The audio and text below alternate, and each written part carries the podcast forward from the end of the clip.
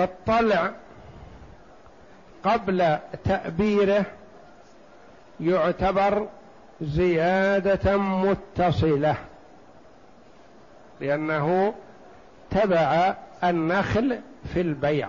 الطلع بعد تأبيره يعتبر زيادة منفصلة فيمكن أن يباع النخل ويبقى الثمر للبايع إلا إذا اشترطه المبتاع المشتري. بيع حال كونه حائل وليس فيه طلع. ثم أفلس المشتري قبل أطلع وقبل أن يؤبر فللبائع أن يستعيد النخل يكون له بثمره لأن الثمرة في حكم المتصلة. فيستعيد نخله بثمنه السابق. باعه حائلا لا طلع فيه. ثم أطلع وأبر فيقال للبايع إن شئت أن تستعيده بثمنه السابق فلك على أن يبقى هذا الطلع المؤبر للمدين المفلس مبقا إلى الجذاذ بلا أجرة. فالمشتري له الطلع والبايع له الأصل. ولا يجبر البايع على استعادته. إن شاء استعاده على شرط أن يبقى الطلع المؤبر للمدين الذي هو المشتري مبقا إلى الجذاذ بلا أجرة. فالحالات إذن ثلاث. باعه حائلا لا طلع فيه. وثبت إفلاس المشتري قبل الطلع. هذا من حق البائع أن يستعيده. ثبت إفلاس المشتري بعد الطلع وقبل التأبير له أن يستعيده. لأن هذا الطلع في حكم الزيادة المتصلة. باعه حائلا ثم أطلع وأبر فللبايع أن يستعيده على أن تبقى الثمرة للمشتري الذي هو المفلس مبقات إلى الجذاذ أو يدفع البائع قيمتها للمشتري ليستعيد الكل لأن هذه الزيادة تعتبر في حكم المنفصلة. فإن شاء بقيت إلى الجذاذ للمشتري الذي هو المفلس وإن شاء اشتراها واصطلح معه على ثمنها. اذا الحالات ثلاث. باعه حائلا وثبت إفلاس المشتري وهو على حاله. للبائع أن يستعيده. باعه حائلا ووجد الطلع بعد هذا ولم يؤبر للمشتري للبايع أن يستعيده بثمرته لأن الثمرة تابعة. وهذا الذي خالف فيه ابن حامد رحمه الله. باعه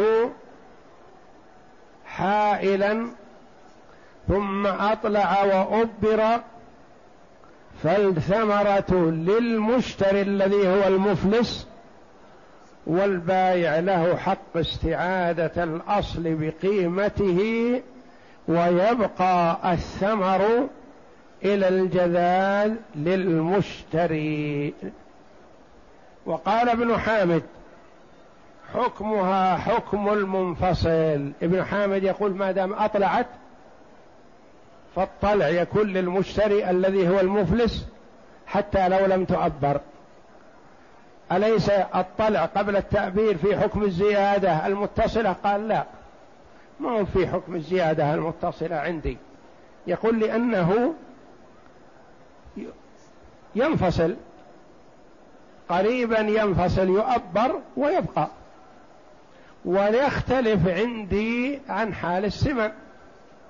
لأن حال السمن زيادة متصلة ما يمكن فصلها بحال من الأحوال. بخلاف الثمرة فهي زيادة متصلة الآن لكن بعد عشرة أيام يؤبر فتكون في حكم المنفصلة. تبقى إلى الجذاذ بلا أجرة. نعم. وإن أفلس بعد تأبيرها فهي زيادة منفصلة تكون للمفلس متروكة إلى إلى الجذاذ. فإن أفلس بعد التعبير فيكون تكون الثمرة للمشتري. لأن الثمرة بعد التأبير في حكم المنفصلة. لو باع الرجل البستان والنخل مؤبر وسكت عن الثمرة فإن الثمرة تكون للبائع مبقاة إلى الجذاذ لأنها في حكم المنفصلة. إلا إذا اشترطها المبتاع كما تقدم لنا في الحديث إذا اشترطها المبتاع الذي هو المشتري تكون له. نعم. فهي زيادة منفصلة تكون للمفلس متروكة إلى الجذاذ كما لو اشترى النخل. كما لو اشترى النخل يعني الذي يشتري النخل وفيه ثمر مؤبر يكون للبائع إذا لم يشترطه المشتري. نعم. وكذلك الحكم في سائر الشجر. وكذلك الحكم في سائر الشجر. سائر الشجر إذا بيع بأرضه وفيه ثمرة مؤبرة تكون تبع البايع. إذا بيع قبل أن يطلع ثم أطلع وأبر ثم أفلس المشتري فالبايع له أن يستعيد الشجر بدون الثمر ويبقى الثمر للمشتري الذي هو المفلس عندنا يبقى له مبقا إلى الجذاذ بدون أجرة. نعم. وفي الأرض ينبت فيها الزرع. وفي الأرض ينبت فيها الزرع. نعم. فإن اتفقا. فإن اتفق المفلس والغرماء على تبقيته أو قطعه فلهم ذلك. وإن اختلفوا وله قيمة مقطوعا قدم قول من طلب القطع لأنه أقل غررا. ولأن الطالب للقطع إما غريم يطلب حقه أو مفلس يطلب تبرئة ذمته. وفي الأرض ينبت فيها الزرع. يعني باع أرض وزرعها ونبت الزرع. ثم أفلس المشتري. من حق البائع أن يستعيد الأرض. لأنه وجد أرضه بحالها ولم يستلم شيء من قيمتها. لكن الزرع هذا الذي للمشتري يقول يبقى. لا ضرر ولا ضرار لأن الرجل زرع الأرض حالة كونه يملكها. فالعرق هذا ليس بظالم. يدخل تحت قوله صلى الله عليه وسلم ليس لعرق ظالم حق. ليس لعرق ظالم حق. رجل جاء إلى أرض ليست له وبنى فيها عشرة أدوار بقوته وجبروته. قام صاحب الأرض بالادعاء بأرضه. وحكم له القاضي بأرضه فيسلم الأرض. يقول الباني بناي نقول لا يخلو إن كان فيه شبهة بيع عليك فأنت تطالب من باع عليك. أنت ظالم اغتصبت هذه الأرض وبنيت عليها ليس لعرق ظالم حق. هذه قاعدة. حديث الرسول عليه الصلاة والسلام أعطي عليه الصلاة والسلام جوامع الكلم. عرق ظالم واحد اغتصب أرض وزرعها يقال ارفع زرعك. اغتصب أرضا وغرسها نخل اخلع نخلك. رجل اغتصب أرضا وبناها عشرة أدوار نقول اخلع بناءك. ليس لعرق ظالم حق. يقول أريد أتركها للرجل مقابل ما غصبت أرضه. يقول صاحب الأرض لا ما أريده. بناك هذا عشرة أدوار ما أريده. أنا أريد أن أبنيها بناء يختلف عن هذا البناء الذي بنيت. أريد مثلا أؤسس على خمسة عشر دور وهذا يعيقن. اخلعه. نقول اخلعه. ليس لعرق ظالم حق لأن هذا غصب. بخلاف هذا الذي اشترى وغرس ثم أفلس فنقول زرعه مبقى لأنه حينما زرع ليس بظالم زرع ملكه لكن المسكين أفلس. والنبي صلى الله عليه وسلم قال من وجد عين ماله عند شخص أفلس فهو أحق به. وجده بحاله وجده بحاله. هذه الأرض هي الأرض لكنها مزروعة. نقول اخلع زرعك لا لأن هذا العرق ليس بظالم. عرق بحق. فيبقى. نقول إذا اتفق المشتري والغرماء على نزعه نقول لا يخلو. إن كان نزعه فيه مصلحة قالوا مثلا ما نتحمل الصبر إلى استواء الزرع. نريد أن نبيعه الآن علف. نبي نخلعه. نقول أنتم أحرار. ما لكم اتفق المدين والغرماء. قالوا نريد نبيعه علف. نعم نأخذه. نقول حلالكم تصرفوا فيه. إذا اختلفوا وبالنسبة لمالك الأرض ما له كلام الآن. مبقى إلى الحصاد. لكن الكلام مع الغرماء والمدين. المدين قال أريد أن أخلعه. أسلم الأرض لصاحبها وأستريح. الغرماء قالوا لا نبيه يبقى لأن بقاه خير لنا. لأن إذا خلعناه الآن بعناه يمكن بألف ريال. بينما إذا بقيناه إلى الحصاد والجذاذ يساوي خمسين ألف. فرق بين كونه حب ثمر أو كونه علف. علف بألف وحب خمسين ألف. نقول لا يبقى.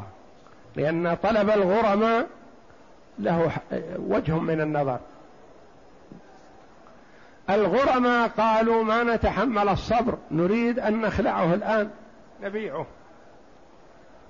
وصاحب الأرض والمدين المفلس يقول لا هذا في ضرر علي. إذا خلعناه الآن بعناه بألف وإذا بقيناه يساوي خمسين ألف في مساعدة لي على براءة ذمتي. أنا مدين نقول نحن مع من هو يطالب بالأصلح. إذا اتفقوا على شيء ما ما نتدخل بينهم. وإذا اختلفوا فننظر في الأصلح. إذا كان الكلام من الغرماء يريدون زيادة حقهم فهم فنكون معهم.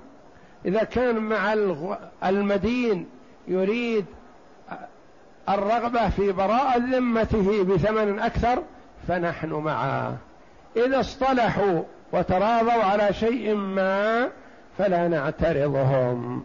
وهذا معنى قول المؤلف رحمه الله تعالى وفي الأرض ينبت فيها الزرع فإن اتفق المفلس والغرماء على تبقيته أو قطعه فلهم ذلك. اتفقوا على أن يبقى أو اتفقوا على أن يقطع. لهم ذلك. وإن اختلفوا وله قيمة مقطوعا قدم قول من طلب القطع. إذا كان قيمته حسنة وتؤدي الغرض طلع نحن مع من يريد الخلاص الآن.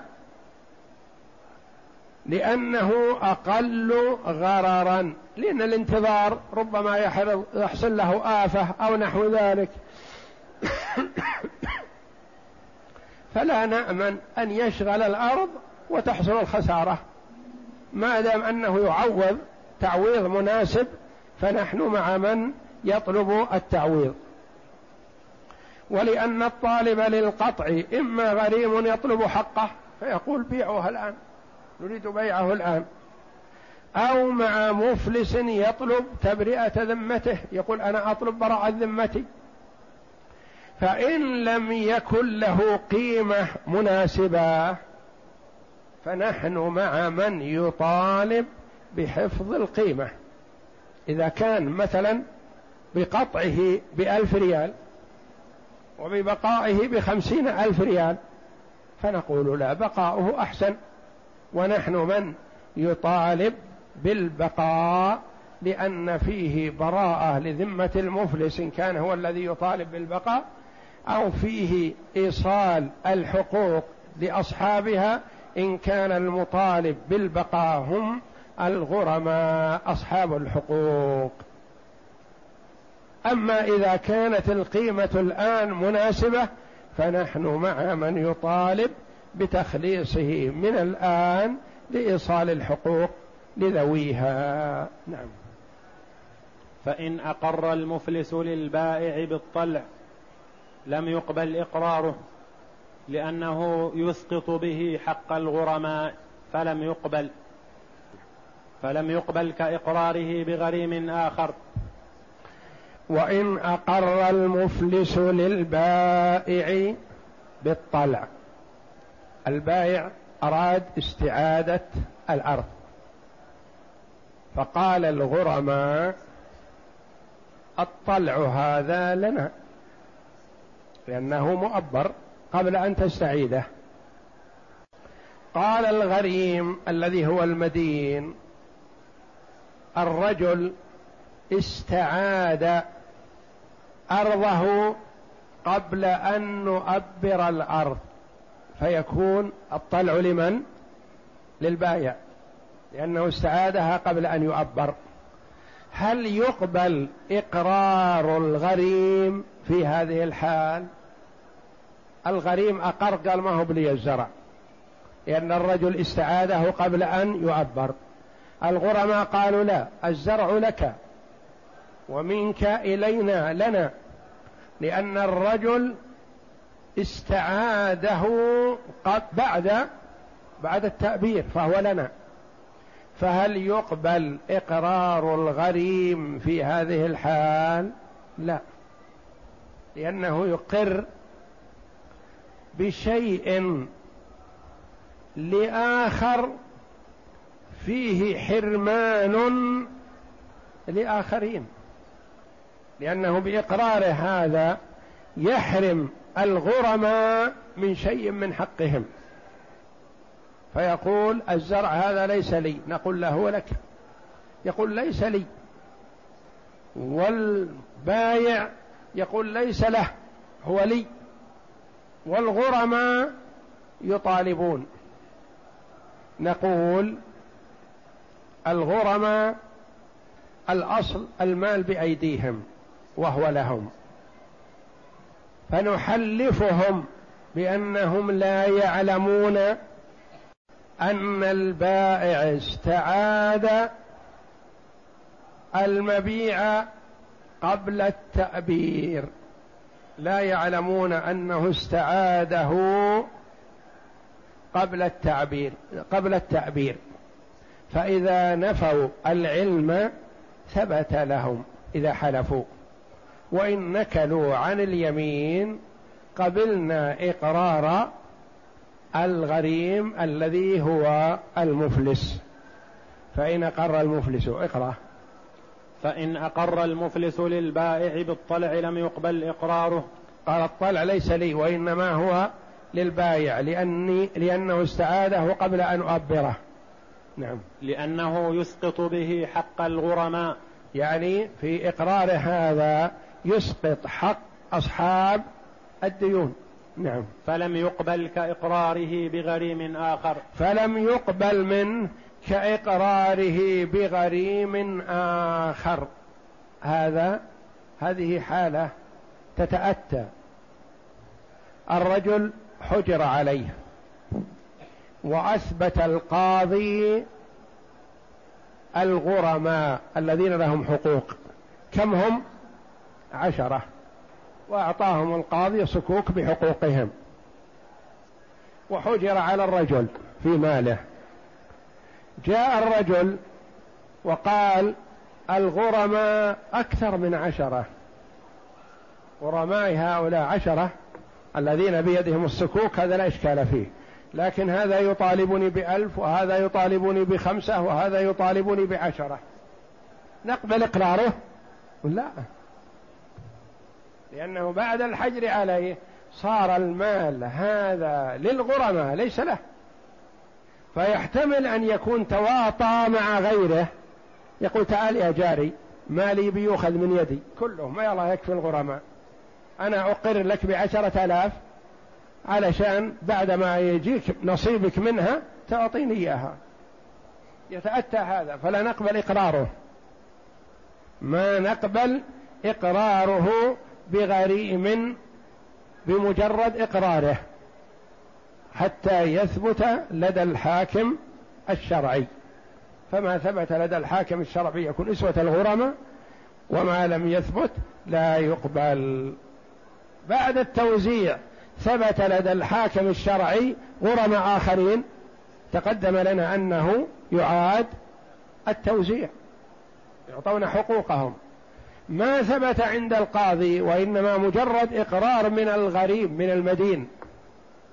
قال هذا يطالبني بكذا وهذا يطالبني بكذا وأنا ببراء الذمة أعطوهم حقوقهم. أعطوهم نصيبهم مع الغرماء أعطوهم قسطهم. نعطيهم؟ لا لأنه محتمل أن يقر لهم وليس لهم حق. ولهذا قال لو قال الطلع للبايع ما هو لي؟ نقول إيش تقولون للغرماء إذا قالوا صحيح قلنا صحيح. إذا قالوا لا الطلع للمدين ومنه إلينا. فهل نقبل إقرار المدين بقوله الطلع للبايع علي؟ لا ما نقبل. طيب أولئك يطالبون به نطالبهم باليمين والحق معهم الأصل أنه معهم. فنطالبهم باليمين فإذا حلفوا أنهم لا يعلمون أن الرجل استعاد سلعته قبل التأبير لا يعلمون عن هذا قبلنا منهم. وإن نكلوا عن اليمين أخذنا بإقرار الرجل بأن الطلع للبايع. نعم. وعلى الغرماء اليمين اليمين أنهم لا يعلمون برجوع البائع قبل التأبير. لأن رجوعه قبل التأبير يكون له. ورجوعه بعد التأبير يكون لهم. نعم. لأن اليمين تثبت في جنبهم ابتداء.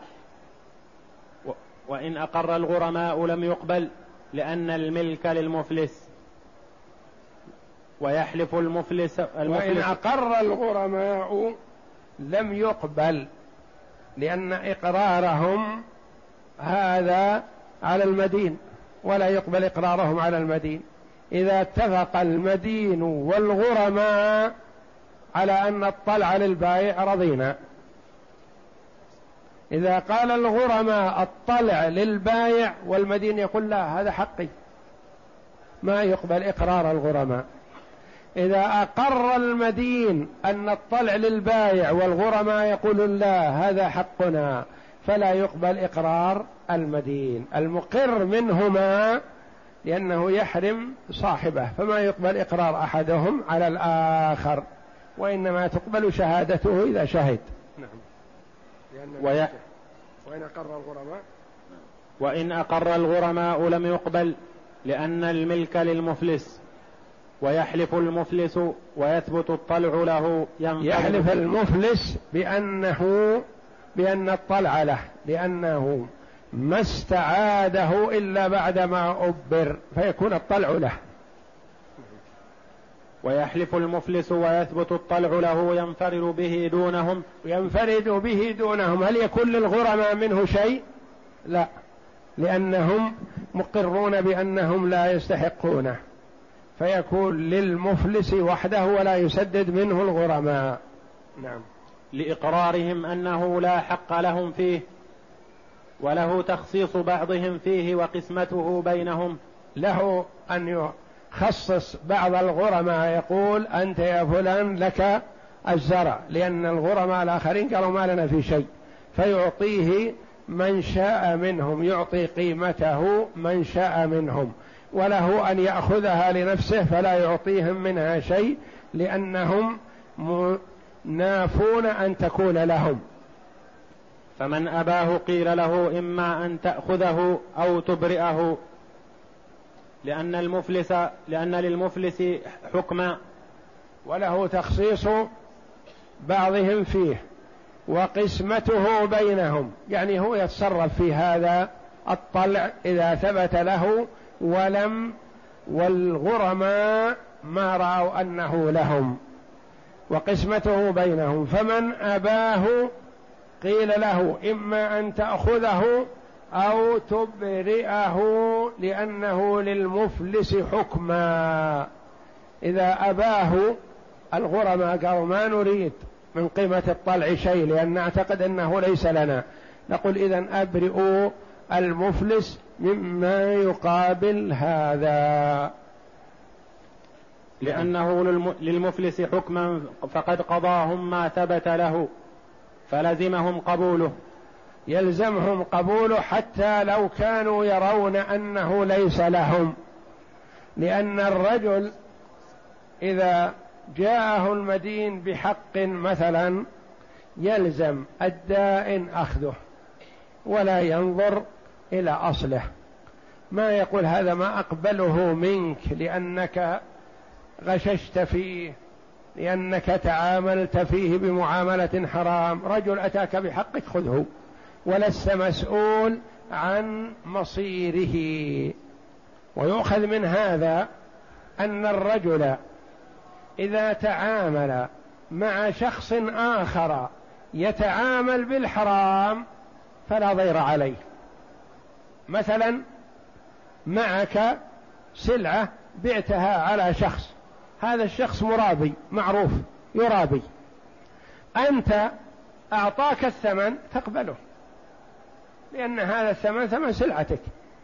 ولا تسأله هل هذا الثمن أخذته ربا أو ما أو كيف مصيره إليك.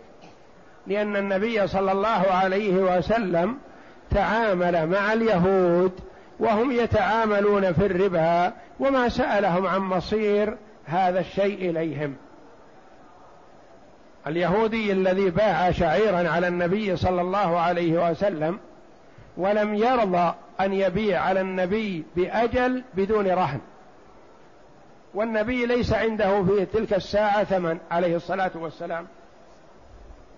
فقال أريد رهنا فأعطاه النبي صلى الله عليه وسلم درعه رهنا بقيمة هذا الشعير.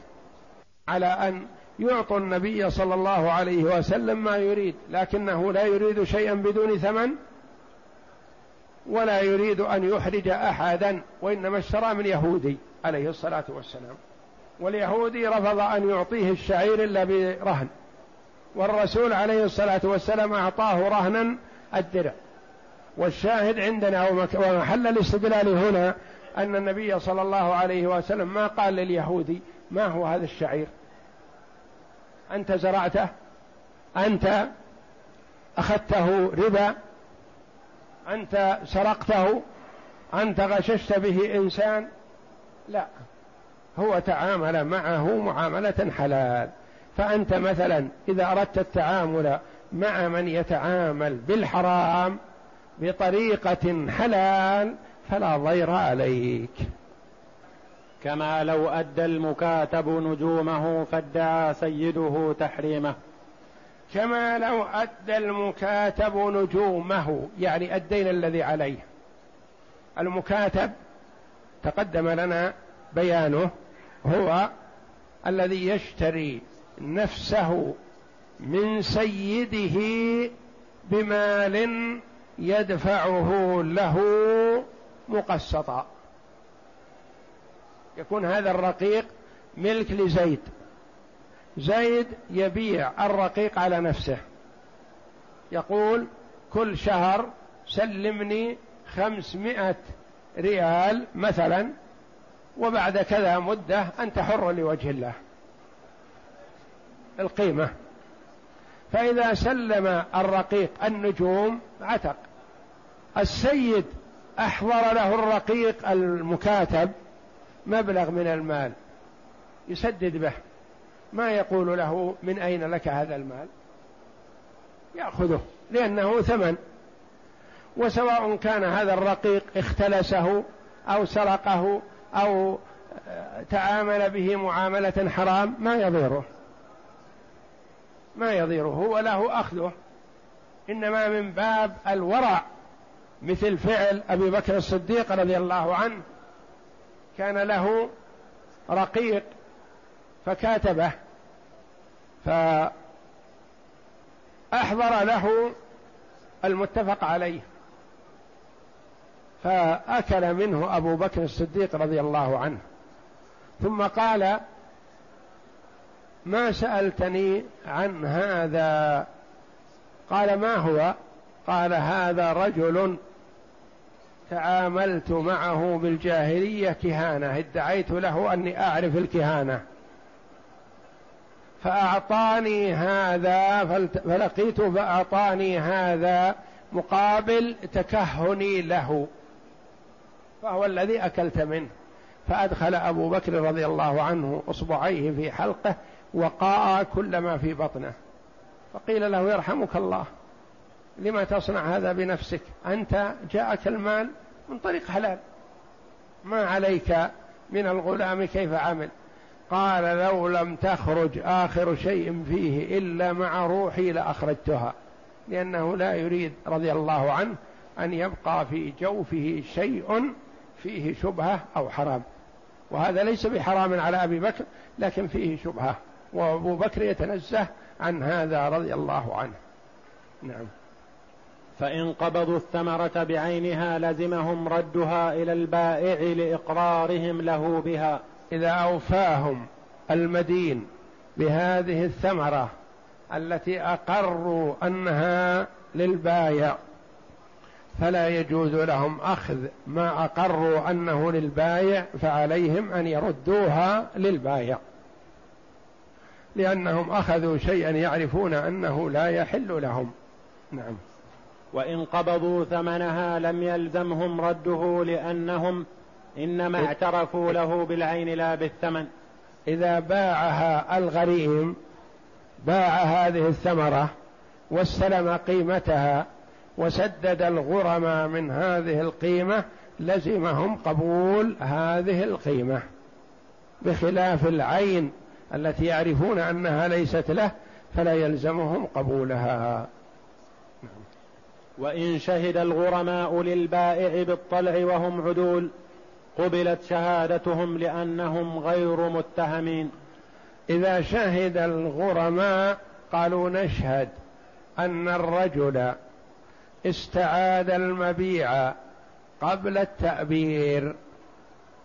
فلمن تكون الثمرة للبايع ما دام استعاد العين قبل التأبير فتكون الثمرة للبايع شهد الغرماء بهذا تقبل شهادتهم لأنهم لا يجرون نفعا لأنفسهم بل إقرارهم هذا وشهادتهم هذه قد تكون عليهم لأنهم حرموا أنفسهم من الاستيفاء بهذا الثمن.